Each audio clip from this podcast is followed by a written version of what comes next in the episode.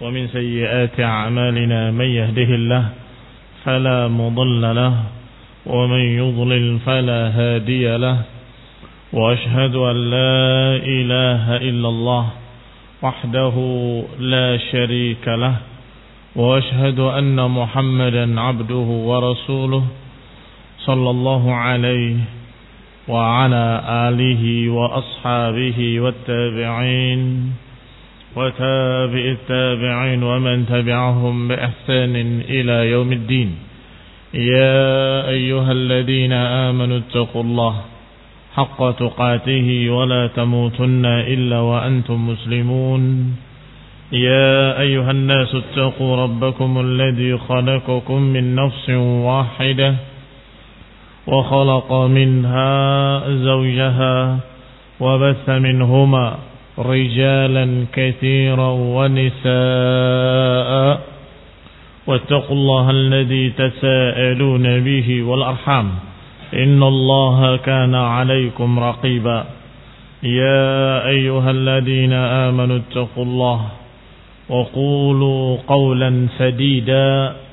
يصلح لكم أعمالكم ويغفر لكم ذنوبكم.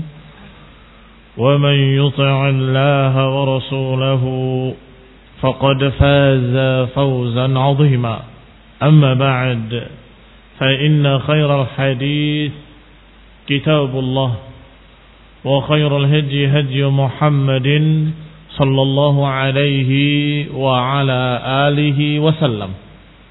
وشر الأمور محدثاتها فإن كل محدثة بدعة وكل بدعة ضلالة وكل ضلالة في النار إخواني في الدين أعزكم الله ومسلمين yang saya hormati kita lanjutkan kajian kitab Tahdzib Sirah Ibn Hisham dan kita masih membahas riwayat tentang Amr Saqifah apa yang terjadi di Saqifah Bani Sa'idah sepeninggal Rasulullah sallallahu alaihi wa ala alihi wasallam. Dan sudah kita katakan bahwa para ulama beristimbat dari kejadian ini dengan kesimpulan betapa pentingnya kepemimpinan. Tidak ada yang menyimpulkan bahwa ini menunjukkan bahwa para sahabat ambisi untuk menjadi pemimpin atau mereka berebut kepemimpinan Nggak ada yang menyimpulkan demikian illa ahlul ahwa. Illa man fi qalbihi marad.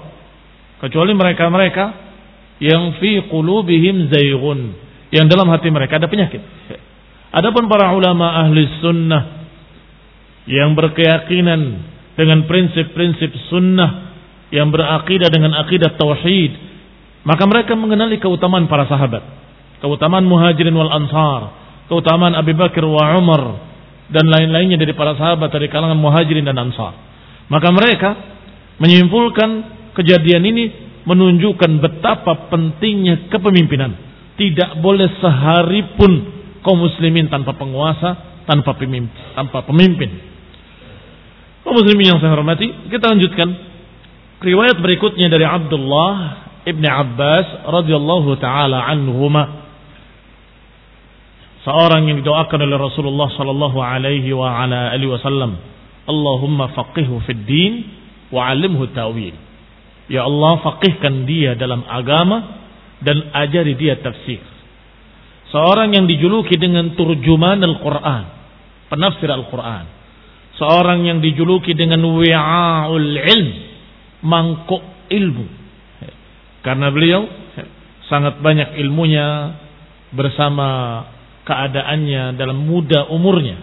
Artinya dalam keadaan masih muda umurnya tetapi ilmunya ghazir sehingga beliau sering diajak untuk berbicara masalah-masalah penting bersama kibar para sahabat. Amirul Mukminin Umar bin Khattab membawanya dalam pembicaraan-pembicaraan penting. Sampai-sampai sahabat-sahabat lainnya bertanya, "Wahai Amirul Mukminin, Apakah kami perlu membawa anak-anak kami? Karena Ibn Abbas seumur dengan anak-anak mereka. Engkau membawa Ibnu Abbas, apakah kami perlu membawa anak-anak kami? Maksudnya menyindir beliau Amirul Mukminin radhiyallahu taala anhu. Maka kata Amirul Mukminin Umar bin Khattab, ini berbeda. Dia berbeda dengan anak-anak kalian. Seorang yang sangat akul, lahu lisanun saul, seorang yang cerdas dan lidahnya selalu bertanya ilmu, Sampai dibuktikan oleh beliau. Menurut kalian, apa tafsir ayat ini? Apa tafsir ayat ini? Semua tidak memahami tafsirnya dan salah menjawabnya. Maka terakhir Amirul Mukminin bertanya kepada Abdullah bin Abbas. Wahai Abdullah bin Abbas, jawab. Apa tafsir ayat ini? Kata beliau, adapun aku melihatnya demikian-demikian. Maka terkejut semuanya. Terkagum-kagum dengan kepandaian dan keilmuan Abdullah ibn Abbas radhiyallahu taala anhuma. Setelah itu, maka mereka memaklumi satu-satunya anak remaja yang ikut berbicara bersama orang-orang besar dari kalangan para sahabat, berbicara tentang perkara-perkara penting. Baik. Qala Ibn Abbas radhiyallahu taala anhuma. Akhbarani Abdurrahman ibn Auf. Menyampaikan kepada aku Abdurrahman ibn Auf dalam keadaan aku berada di rumahnya. Antau diruhu menunggu beliau, menunggu Abdurrahman ibn Auf. Di mana beliau? Wa huwa inda Umar fi akhir hajjatin hajjaha Umar. Sedangkan Abdurrahman bin Auf di tempat Amirul Mukminin Umar di akhir haji beliau yang beliau kerjakan. Berarti di mana Ibn Abbas? Di rumah Abdurrahman bin Auf menunggu Abdurrahman bin Auf. Di mana Abdurrahman bin Auf? Bersama Amirul Mukminin Umar Ibn Al-Khattab. Faraja Abdurrahman. Maka pulanglah Abdurrahman ke rumahnya. Abdurrahman bin Auf radhiyallahu taala anhu. Min indi Umar, dari sisi Umar. Fawajadani fi manzilihi bimina. Ternyata dia mendapati aku di rumahnya, di tempat tinggalnya di Mina. Antadiruhu. Aku sedang menunggunya. Wa kuntu uqri'uhul Qur'an. Kata Ibn Abbas karena aku memang membacakan Quran kepada beliau. Subhanallah. Abdurrahman bin Auf menimba ilmu dari Abdullah bin Abbas yang lebih muda. Menunggu di rumahnya karena ada kajian rutin untuk membacakan ayat-ayat Allah SWT dengan makna-maknanya. Faqala li Abdurrahman ibn Auf. Maka Abdurrahman ibn Auf mengatakan kepadaku. Sebelum kita lanjutkan, perlu catatan sedikit. Ini riwayat di masa Umar bin Khattab sebagai khalifah. Mengisahkan kisah bagaimana Umar akan menceritakan kejadian Saqifah. Paham? Kenapa kok berkait dengan masalah Saqifah? Kisah tentang Ibnu Abbas di rumahnya Abdurrahman bin Auf sepulang dari Umar bin Khattab.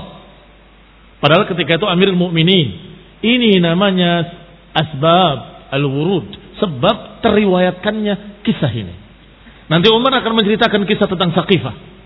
Tetapi kita baca dulu bagaimana terjadinya. Kok sampai Umar Ibn Khattab menceritakan. Pertama Ibnu Abbas menunggu Abdurrahman bin Auf di rumahnya. Dan Abdurrahman bin Auf dalam keadaan bersama Umar. Sampai kemudian datang ke rumahnya, didapati Abdullah bin Abbas sudah menunggu. Faqala li Abdurrahman bin Auf, ternyata Abdurrahman bin Auf mengkabarkan kepadaku, kata Ibn Abbas. Lau ra'aita rajulan ata amiral mu'minin. Faqala ya amiral mu'minin, hal laka fi fulanin? يقول والله لو قد مات عمر بن الخطاب لقد بايعت فلانا. Coba kalau engkau tahu wahai ibnu Abbas. Coba kalau engkau tahu bahwa tadi ada seorang yang datang menemui Amirul Mukminin Umar bin Khattab dan berkata kepadanya, Ya Amirul Mukminin, wahai Amirul Mukminin, halaka fi fulan? Apakah engkau berkepentingan dengan si fulan? Karena si fulan ini berkata, "Wallahi law qad mata Umar demi Allah, kalau Umar sudah meninggal, aku akan bayat si fulan. Wallahi ma kanat bay'atu Abi Bakrin illa fatatan fatammat. Sungguh demi Allah, tidaklah bayatnya Abu Bakar kecuali sepintas kemudian terjadi dan sah. Apa maksud ucapan orang ini? Artinya tiba-tiba Abu Bakar dibayat dan tiba-tiba terjadi jadi khalifah. Maka kalau meninggal Amirul Mukminin Umar, aku segera akan membayat si fulan. Niscaya akan terjadi khalifah. Jadi dikira hanya dulu-duluan. Ketika disampaikan kepada Umar seperti itu, Umar marah. Faghadiba Umar. Umar marah. Faqala insyaallah laqaimul ashiyyata fin nas. فمحذرهم هؤلاء الذين يريدون أن يغضبوهم أمرهم أو يغصبوهم أمرهم sungguh Demi Allah, aku akan berdiri waktu isya nanti. Di hadapan seluruh manusia. Aku akan peringatkan mereka dari orang-orang yang akan merampas hak-hak kalian. Kalau dia langsung membayar si fulan kan artinya merampas hak-hak orang-orang yang pantas untuk diajak bicara dari ahlul halli wal aqdi. Orang-orang yang memang pantas untuk berbicara tentang kepemimpinan. Sungguh demi Allah, aku akan berdiri sore ini. Dan aku akan umumkan peringatan atas mereka-mereka yang akan merampas hak-hak rakyat, hak-hak manusia. Allah Abdurrahman, kata Abdurrahman bin Auf, tapi aku cegah beliau. Fakultu ya amirul mu'minin. La taf'al. Jangan lakukan. Fa innal musim yajma' ru'a'an nas. Karena ini musim haji. Musim haji itu terkumpul padanya segala lapisan masyarakat. Ru'a annas. Orang-orang rendahan dari manusia. Orang awam. Orang-orang bodoh. Wa ghawgha'ahum. Akan berkumpul pula para ghawgha'iyun. Ghawgha juga sama dengan ru'a. Ru'a dari kata para ra'i, para penggembala. Ini orang-orang rendahan yang nggak ngerti apa-apa Gawga orang-orang yang tidak memiliki ilmu. Orang-orang yang berbicara seenaknya dalam keadaan tidak memiliki ilmu. Ini musim haji. Banyak manusia yang awam, yang bodoh, para penggembala, orang-orang awam. Alladzina yaglibuna ala qurbika hina taqumu finnas. Tentu mereka akan mendominasi manusia di depan engkau. Artinya kalau Amir Mukminin ngomong ketika itu, yang dihadapi sebagian besar mereka. Orang yang nggak ngerti apa-apa. Wa inni akhsha an taquma fataqula maqalatan yatiru biha ulaik. Dan aku khawatir, kata Abdurrahman bin Auf. Aku khawatir kalau engkau berbicara dengan ucapanmu nanti dan terbang ucapan itu di hadapan mereka, di telinga mereka, dalam keadaan mereka memahaminya dengan salah. Yatiru biha ulaika anka kulla matir. Mereka akan membawa ucapanmu ke sana kemari dengan salah. Wala ya'uha. Mereka nggak akan bisa paham. Wala yada'uha ala atau mereka nggak akan menempatkannya pada tempatnya. Akan salah menempatkan. Fa'amhil hatta taqdamal madinah maka aku sarankan agar engkau tunda pembicaraan itu Jangan di sini di musim haji. Yang berkumpul orang-orang awam, nggak ngerti apa-apa. Dan itu yang mayoritas, yang terbanyak. Tunggu, amhil, hatta taqdam al-Madinah. Tunggu sampai engkau pulang ke Madinah. Fa innaha darus sunnah. Karena Madinah itu adalah negeri sunnah. Takhlusu bi ahli al-fiqh. Terkumpul di sana orang-orang yang ahli di bidang fiqh. Ini para sahabat yang pandai, para ulama wa nas. Di sana akan berkumpul orang-orang mulia dari manusia, muhajirin dan ansar. Fataqulu ma qulta bil Madinah mutamakkinan. Engkau akan bicara di Madinah dalam keadaan mantap, dipahami dengan apa yang kau maksud. Faya'i ahlal fiqh. Para ahli fiqh akan memahami ucapanmu dengan fiqh mereka. Wa yada'uha ala mawadhi'iha dan mereka akan menempatkannya pada tempatnya. Lihat usulan yang bagus dari Abdurrahman Ibn Auf radhiyallahu taala anhu. Beliau kisahkan kepada siapa? Kepada Ibn Abbas. Dan ketika itu Umar berkata, "Ama wallahi, insyaallah la aqumanna bidzalika awwala maqamin aqumuhu bil Madinah." Diterima usulnya oleh Amirul Mukminin Umar bin Khattab. Ama wallahi ketahuilah demi Allah, insyaallah aku akan berdiri di Madinah berbicara di awal pertama aku khutbah di awal pertama aku khutbah di Madinah, aku akan sampaikan masalah ini. Ini demikian riwayatnya mengapa Amirul Mukminin Umar bin Khattab tiba-tiba berbicara tentang kejadian Saqifah di mimbar di hadapan ummah, di hadapan manusia. Faqadimna al-Madinah. Ibn Abbas menceritakan. Sekarang kisahnya Ibn Abbas. Maka datanglah ke Madinah fi aqibidil hijjah di akhir bulan Dhul Hijjah mereka pulang ke Madinah. Falamma kana yaumal jum'ati maka ketika datang hari Jumat ajjaltur rawah hina zalat syams. Aku bersegera berangkat ke masjid. Begitu matahari tergelincir, aku berangkat. Fa ajidu Sa'id ibni Zaid ibni Amr ibni Nufail jalisan Aku dapati di sana Sa'id ibn Zaid ibn Amr ibn Nufail sedang duduk. Bersandar ila ruknil mimbar. Paling depan berarti. Bersandar di tiang mimbar. Fajalastu hadwahu tamassa rukbati wa. Maka aku duduk di hadapan beliau.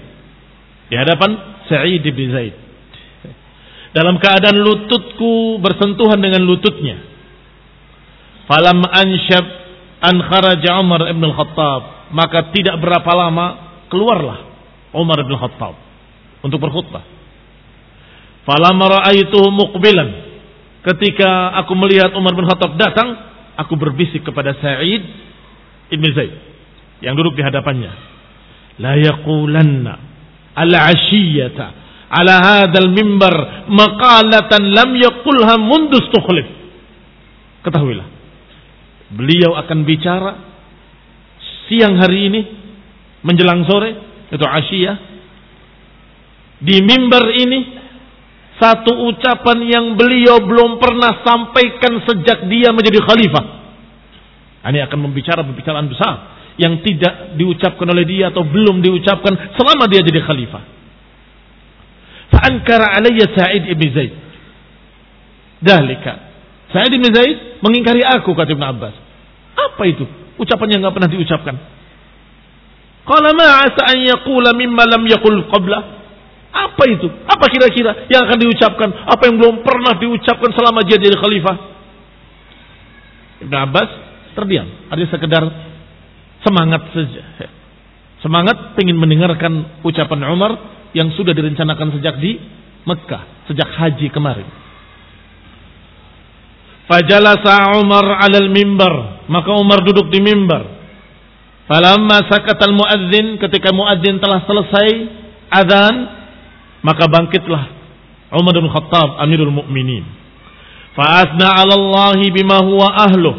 Memuji Allah dengan apa yang pantas baginya.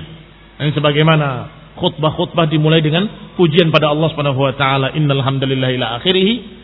Baru kemudian berkata, "Amma ba'd fa inni qailun lakum al-yawm maqalatan qad qaddara li an aqulaha sungguh aku akan berbicara pada kalian hari ini. Satu ucapan yang Allah takdirkan untukku untuk mengucapkannya. Wala adri la'allaha baina yaday ajali. Dan aku tidak tahu bisa jadi ini adalah terakhir sebelum ajalku. Faman aqalaha wa wa'aha falyakhud biha. Siapa yang memahaminya, siapa yang mengerti, maka hendaklah dia berpegang dengannya. Haitsun tahat bihi rahilatuhu. Hendaklah dia berpegang dengannya sampai terakhir kendaraannya berhenti. Artinya sampai mati. Sampai terakhir kendaraannya berhenti. Waman khasya an la ya'yaha fala yahillu li ahadin an yakdiba alayya. Dan barang siapa yang tidak mampu memahami dan tidak mengerti, maka aku tidak halalkan untuk berdusta atas namaku. Artinya jangan berbicara seenaknya atas namaku dengan salah. Siapa yang paham, pegang kuat-kuat sampai mati. Dan siapa yang tidak paham, aku tidak halalkan untuk menyampaikan pada orang lain atas namaku. Inna Allah ba'atha Muhammadan wa anzala alaihi al-kitab. Sesungguhnya Allah telah mengutus Nabi Muhammad SAW dan menurunkan bersamanya kitab Al-Quran. Fakana mimma anzala alaihi ayatul rajam. Dan di antara apa yang diturunkan adalah ayat tentang rajam Faqara'naha wa alimnaha. Kami membacanya, kami mengetahuinya. Wa wa'ainaha, kami mengerti tentangnya. Wa rajama Rasulullah, wa rajamna. Rasulullah SAW merajam sallallahu alaihi wasallam dan kami pun melakukan rajam setelah beliau. Artinya jangan kemudian kalian tolak karena lafaznya tidak ada dalam Quran. Ini khairuddin azakumullah. Yang pertama, ilmu yang diajarkan oleh Amirul Mukminin Umar bin Khattab bahwa ayatul rajam kami baca, kami paham, kami mengerti, kami praktekkan. Rasulullah SAW merajam, kami pun merajam. Fa'akhsha antala bin nasi zamanun. Aku khawatir akan berpanjang waktu, berpanjang zaman, tiba-tiba yaqulul qail akan berkata orang yang berkata, Wallahi ma najir rajam fi kitabillah. Wallahi lam najid ar-rajam fi kitabillah. Aku khawatir suatu saat akan ada yang berkata, Demi Allah, aku tidak mendapati dalam Al-Quran ayat tentang rajam. Ayat-ayat Allah. Ayat-ayat Al-Quran. Manansakh min ayatin au nunsiha na'ti bi minha au misliha apa yang kami turunkan dari ayat-ayat ini kata Allah, ada yang kami nasahkan. Dan apa yang kami nasahkan, ada yang kami ganti dengan yang sama atau dengan yang lebih baik daripadanya. Artinya, ada yang dimansuhkan lafadznya dan maknanya. Ada yang dimansuhkan lafadznya saja, tetapi hukumnya tetap. Dan itulah ayat rajam. Lafadznya dimansuhkan. Tetapi hukumnya tetap. Dari hadis Rasulullah SAW dan dari ijma para sahabat bahwa mereka tetap melakukan rajam. Fayadillu bitarki faridatin anzalah Allah. Akhirnya orang tadi sesat meninggalkan kewajiban yang Allah turunkan. Wa innar rajma fi kitabillahi haqqun ala man zana idza uhsin Sesungguhnya rajam itu di dalam kitab Allah adalah hak bagi siapa yang berzina dalam keadaan sudah pernah menikah. Apakah rijal awin nisa, apakah laki-laki maupun para wanita.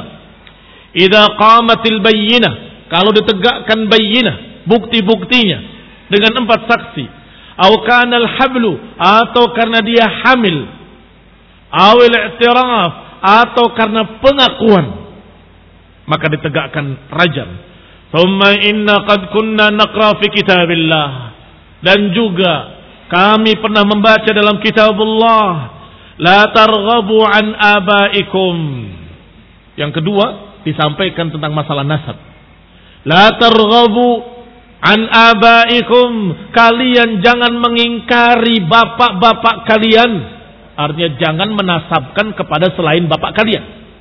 Jangan mengingkari bapak-bapak kalian fa innahu kufrun bikum karena itu adalah kekafiran antar ghabu an abaikum kalau kalian mengingkari nasab bapak kalian artinya sebagaimana dalam hadis sahih disebutkan man nasaba ila ghairi ahli faqad kafar siapa yang menasabkan kepada bukan bapaknya maka dia kafir atau dikatakan amalannya kufur ini ancaman dari Rasulullah SAW agar kita tidak menistatkan diri kita kepada selain bapak-bapak kita. Maka hati-hati.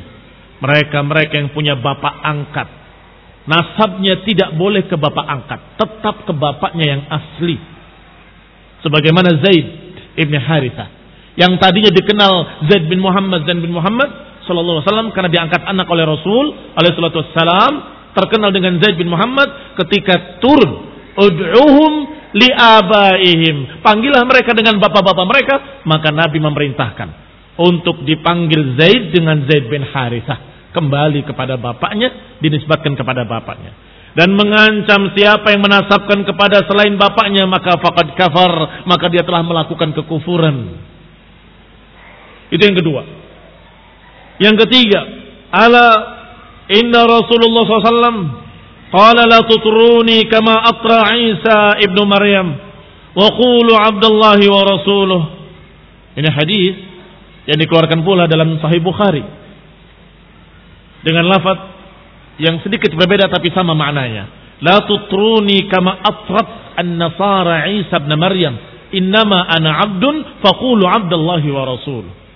Jangan kalian memuji aku berlebih-lebihan kata Nabi, melampaui batas seperti Nasrani memuji Isa bin Maryam sampai menyatakan sebagai Tuhan atau anak Tuhan atau jelmaan Tuhan.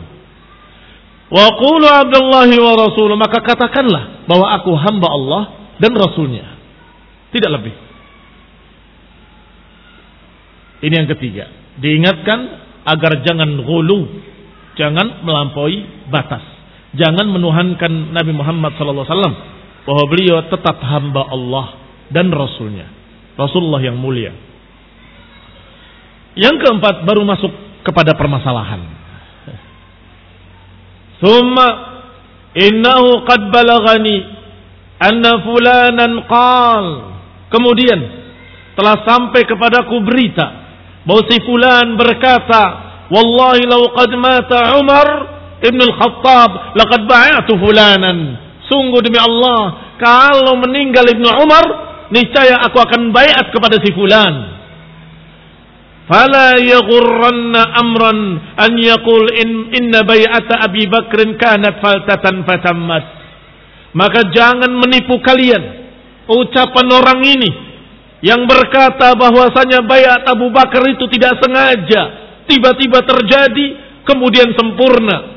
Tiba-tiba terjadi kemudian sah. Wa innaha qad kanat kadzalik. Kata Umar bahwasanya kejadiannya memang demikian. Illa tetapi annallaha qad waffa syarraha. Tetapi Allah telah melindungi kita dari kejelekannya. Anti kejelekan fitnah Walaysa fikum man tanqati'al a'naq.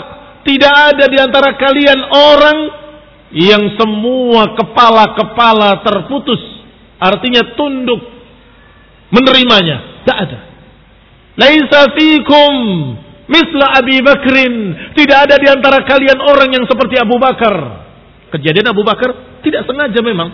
Tiba-tiba terjadi. Tetapi Abu Bakar ini sosok yang diakui oleh seluruhnya muhajirin wal ansar sehingga tammatil bay'ah. Tapi kalau kalian sok mau meniru kita begitu Umar mati langsung kita bayar si fulan. Niscaya akan terjadi seperti Abu Bakar. Belum tentu. Kenapa? Karena di tengah kalian tidak ada orang yang seperti Abu Bakar. Kamu angkat si fulan yang lain akan marah. Kamu angkat Allah yang ini akan marah. Akan terjadi fitnah besar. Hati-hati La yaghurrannakum. Jangan kalian tertipu dengan ucapan si fulan yang menyatakan bahwa bayat Abu Bakar itu tidak sengaja, tiba-tiba terjadi, kemudian sempurna, kemudian kalian akan berbuat seperti itu sekarang. Begitu aku mati, kalian bayat seenaknya. Hati-hati. Kata Amirul Mukminin, la yaghurrannakum. Jangan sampai menipu kalian ucapan-ucapan seperti itu. Karena saat ini tidak ada orang yang seperti Abu Bakar. Adapun Abu Bakar ketika dibayat tidak ada satu pun yang tidak ridho. Semuanya sepakat. Semuanya ikhlas. Semuanya memilih. Siapa hari ini orang yang seperti Abu Bakar? Qala walaysa fiikum man tanqati'ul a'naq ilaihi mithlu Abi Bakrin. Tidak ada di antara kalian orang yang bisa diterima oleh semua pihak seperti Abu Bakar. Faman bay'a rajulan an ghairi masyuratin minal muslimin fa innahu la bay'ata lahu. Huwa wala alladhi bay'ahu taghirratan an yuqtala. Maka siapa yang membaiat seseorang tanpa musyawarah dari kalangan kaum muslimin dalam tanda petik siapa kaum muslimin yang dimaksud ahlul halli wal aqdi. Yakni orang-orang yang pantas berbicara masalah itu khususnya muhajirin dan ansor ketika itu. Barang siapa yang membayar seseorang tanpa musyawarah dengan kaum muslimin fa innahu la bai'ata lahu maka tidak dianggap baiatnya. Walalladzi bay'ahu tidak pula orang yang dibaiatnya tidak sah. Bahkan itu merupakan taghirratan ayyuqtala sesuatu bahaya fitnah besar yang memungkinkan dua orang itu akan dibunuh oleh orang lain. Hati-hati. Inka innahu kana min khabarina. Hina tuwfiya Nabi sallallahu alaihi wa ala alihi wasallam anna ansar khalafuna. Kejadiannya sesungguhnya yang terjadi dari berita-berita kami ketika itu adalah ketika Rasulullah wafat sallallahu alaihi wa ala alihi wasallam. Ternyata orang-orang Ansar memisahkan diri dari kami, berbicara sendiri di bait di halaman rumah kampung Bani Saqifah atau Bani Sa'idah. Fajtama'a ashrafuhum. Berkumpul di sana tokoh-tokoh mereka, tokoh-tokoh Ansar. Di Saqifah Bani Sa'idah. Wa anna. Sedangkan tidak ada di tengah kami Ali bin Abi Thalib. Enggak ada pula Zubair ibn Al-Awwam dan yang bersamanya maka berkumpullah orang-orang muhajirin menemui Abu Bakar. Dan mereka berkata, dan aku pun berkata kepada Abu Bakar, Wahai Abu Bakrin, Intaliq bina ila ikhwanina ha'ula minal ansar. Mari kita berangkat ke saudara-saudara kita di kalangan ansar. Fantalakna na'ummuhum. Maka kami pun berangkat menemui mereka. Khawatir akan terjadi hal-hal yang merupakan bibit perpecahan. Jangan sampai Ansar berbicara sendiri. Tidak ada perbedaan muhajirin dan Ansar.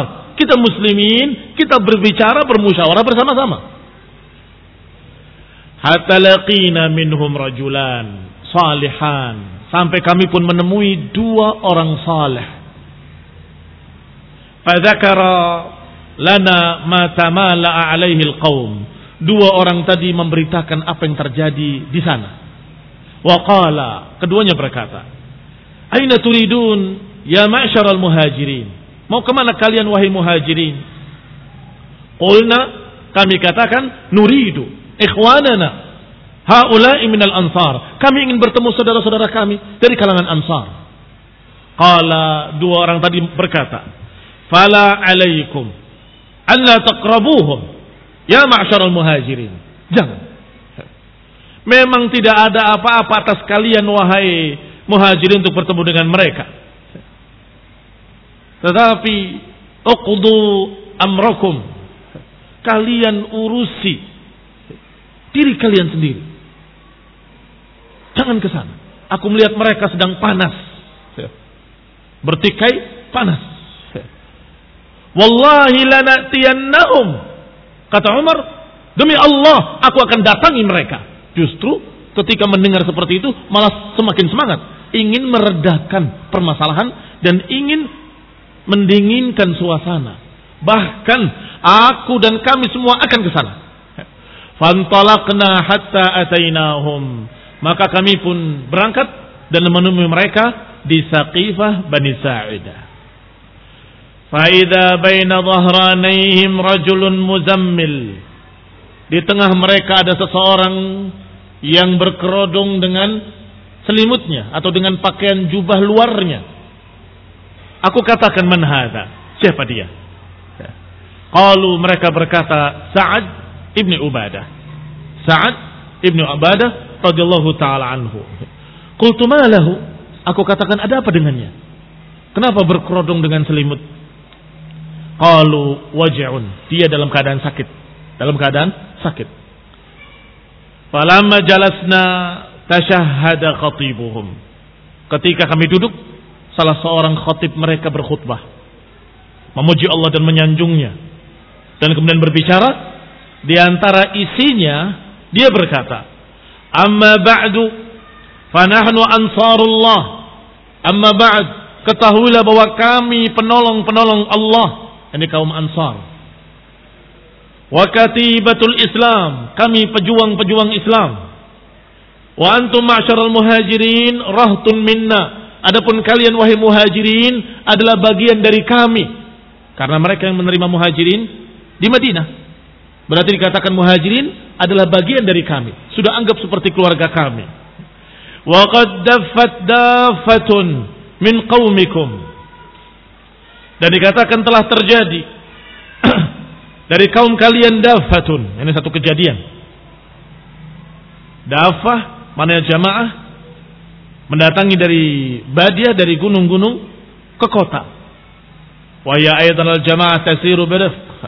Artinya telah datang orang-orang dari gunung ke sini ke kota mendengar berita besar wafatnya Rasulullah sallallahu alaihi wa ala alihi wasallam. Qala wa idahum yuriduna an yahtazuna min aslina wa yaqtasibuna al-amr Kata orang tadi, kata khatib tadi, ternyata mereka menginginkan untuk merebut dari kami hak-hak kami sampai selesai berbicara. Hatta sakata. Setelah selesai berbicara, kata Umar, aku ingin ngomong. Waqad zawartu fi nafsi maqalatan. Aku sudah siapkan dalam hatiku ucapan yang tepat, ucapan yang bagus, yang qad a'jabatni, yang aku sudah kagum dengan apa yang akan aku ucapkan. Uridu an uqaddimaha baina yaday Abi Bakar. Aku ingin menyampaikannya di hadapan Abu Bakar. Karena aku merasa ucapanku tepat sekali dengan hujah-hujah yang bagus, dengan dalil-dalil yang bagus. Wa kuntu udari minhu ba'd al-hajj dan aku selalu ingin bersaing bersama Abu Bakar bahwa aku bisa mengucapkan satu kalimat yang bagus. Ternyata Abu Bakar menahanku dan berkata, "Ala rislik, sabar wahai Umar." "Ala rislika ya Umar." Sabar wahai Umar, jangan terburu-buru. Fakarihtu an ughdibahu. Dan aku tidak suka kalau membuat Abu Bakar marah. Maka aku turuti kemauan Abu Bakar. Aku pun mengalah. Fatakallama huwa wa huwa kana a'lam minni wa awfar. Maka berbicaralah Abu Bakar dan memang Abu Bakar lebih alim dariku, lebih pandai dariku dan lebih terhormat dariku. Sehingga ketika berbicara semua diam. Semua menghormati ucapan Abu Bakar. Fawallahi marat ma taraka min kalimatin a'jabatni min taz, min tazwiri illa qalaha fi badihatihi. Sungguh demi Allah, tidak tertinggal satu kalimat pun dari apa yang aku rencanakan untuk aku sampaikan. Dari ucapan yang aku anggap bagus, yang aku kagum dengan apa yang aku ucapkan atau yang akan aku ucapkan, ternyata tidak tersisa satu kalimat pun kecuali diucapkan oleh Abu Bakar waziyadah dengan ditambah. Masya Allah. Inilah barokahnya orang yang sabar. Umar sabar. Ketika disuruh menahan diri, tunggu, sabar. Maka dia sabar. Ternyata apa yang ingin disampaikannya terwakili oleh ucapan Abu Bakar, bahkan lebih. Dan disebutkan di sini fi badihatihi au mislaha. Fi badihatihi artinya ada di benaknya Abu Bakar dan terucap secara spontan. Semuanya ada pada beliau. Au afdol, bahkan lebih afdol dari apa yang aku rencanakan. Hatta sakata, sampai berakhir ucapan Abu Bakar. Qala amma ma dzakartum fikum min khairin fa antum lahu ahlun. Kata Abu Bakar terakhir, adapun apa yang kalian sebutkan tentang keutamaan kalian, maka kami mengakuinya. Antum ahlun bihi, kalian memang ahlinya dan kalian memang berhak untuk mendapatkan keutamaan-keutamaan tersebut. Ya. Walan ta'rif al-Arab hadal amr illa li hadal hayy. Orang-orang Arab tidak kenal keutamaan tadi kecuali pada kalian. Keutamaan memberikan penolongan, pertolongan pada Rasulullah. Keutamaan memberikan tempat di Madinah. Keutamaan ansar Rasulullah, penolong-penolong Rasulullah. Maka itu keutamaan yang dikenal oleh seluruh orang-orang Arab. Semuanya tahu tentang itu. Tetapi permasalahan kepemimpinan, permasalahan yang mengatur atau yang pantas untuk menjadi pemimpin, semua orang-orang Arab tahu bahwa itu milik Quraisy. Dan Rasulullah SAW menyatakan a'immah min Quraisy bahwa pemimpin itu dari Quraisy. Dan juga dikatakan orang Quraisy yang baiknya memimpin orang-orang baik. Yang jeleknya memimpin orang-orang jelek. Apa maknanya? Maknanya sifat kepemimpinan ada pada mereka. Sehingga kalau jelek memimpin orang-orang jelek. Kalau baik memimpin orang-orang baik. Ini sifat Quraisy. Dan kenyataannya memang sepanjang sejarah kalian baca sirah orang-orang Arab musyrikin ikut siapa? Ikut Quraisy. Ketika perang Uhud, perang Khandaq, perang Badar, semuanya mereka menyerang muslimin dipimpin oleh Quraisy. Muslimin juga dipimpin oleh Quraisy. Karena memang mereka memiliki sifat kepemimpinan. Yang baiknya memimpin yang baik, yang jeleknya memimpin yang jelek. Maka kata Abu Bakar itu sudah dikenal oleh seluruh orang Arab. Hum awsatul Arab nasaban. Wajaran. Mereka adalah orang-orang yang tengah secara keturunan, garis keturunan. Maka hampir semua kabilah-kabilah yang lain nyambung ke Quraisy. Wa qad ratitum lakum ahadu hadaini rajulaini. Maka kalian hendaklah puas dan ridha dengan salah satu dari dua orang ini. Abu Bakar memegang tangan Umar bin Khattab dan memegang Abu Ubaidah ibn al-Jarrah. Hendaklah kalian ridho dengan salah satu dari dua orang ini. Kalian pilih Umar bin Khattab atau Abu Ubaidah ibn al-Jarrah. Wahuwa jalisun bainana. Dalam keadaan beliau duduk di tengah kami.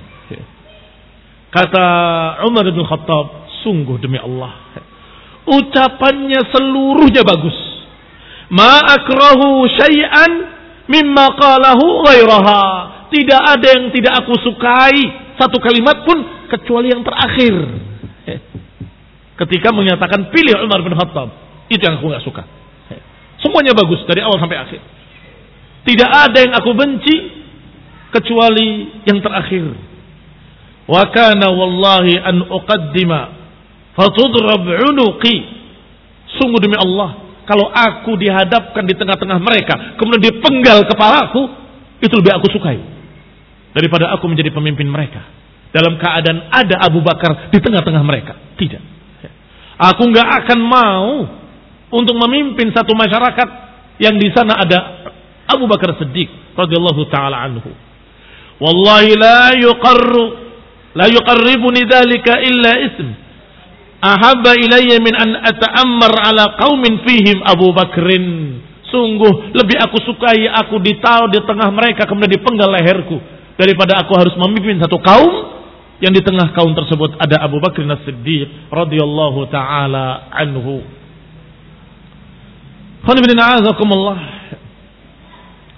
Qala berkata seseorang minal ansar kemudian ada seseorang dari kalangan ansar ana judailuha al-muhakkak atau muhakkak ana judailuha al-muhakkak udayquha al-murajjab minna amirun wa minkum amir ya ma'syara quraisy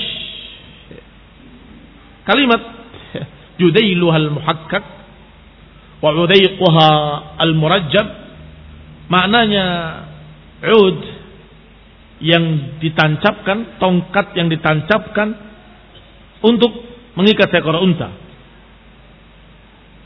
Wa tastarih ilaih. Wal Arab tadribu bihi al-masal lirajul yastashfi bi Dan itu biasa diungkapkan oleh orang Arab untuk menunjukkan kesepakatan. Misalnya dia berbicara mengusulkan satu usulan. Kamu sepakat? Kamu akan berkata kepadanya, "Ana judailuhal muhakkak." Fa'udaiquhal murajjab. Aku tonggaknya. Aku tiang pengikatnya. Artinya aku dukung ucapanmu. Aku bersamamu. Maka dari kami seorang amir, dari kalian seorang amir. Masih berpikir harus ada amir dari sana, harus ada amir dari sini. Dua amir. Fakasural laqat. Akhirnya terjadi keributan atau suara yang ramai. Terjadi suara yang ramai, wartafa'atil aswat. Suara menaik semakin tinggi. Hatta takhawwafat takhawwaftul ikhtilaf sampai aku kata Umar bin Khattab. Ini dalam khutbah ya, dikisahkan dalam khutbah. Sampai aku khawatir akan terjadinya pertikaian. Fakultu ubsat yadaka ya Abu Bakrin. Maka Umar langsung beristihad. Buka tanganmu wahai Abu Bakar. Berikan tanganmu wahai Abu Bakrin. Fabasata yadahu. Kemudian dibuka tangannya dan aku bayat dia.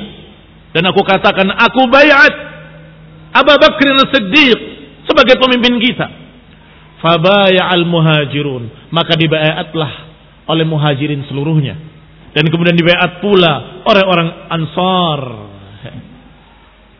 Wa nazawna ala Sa'ad ibn Ubadah. Dan kami melupakan Sa'ad ibn Ubadah. Tadi kan jadikan tokohnya.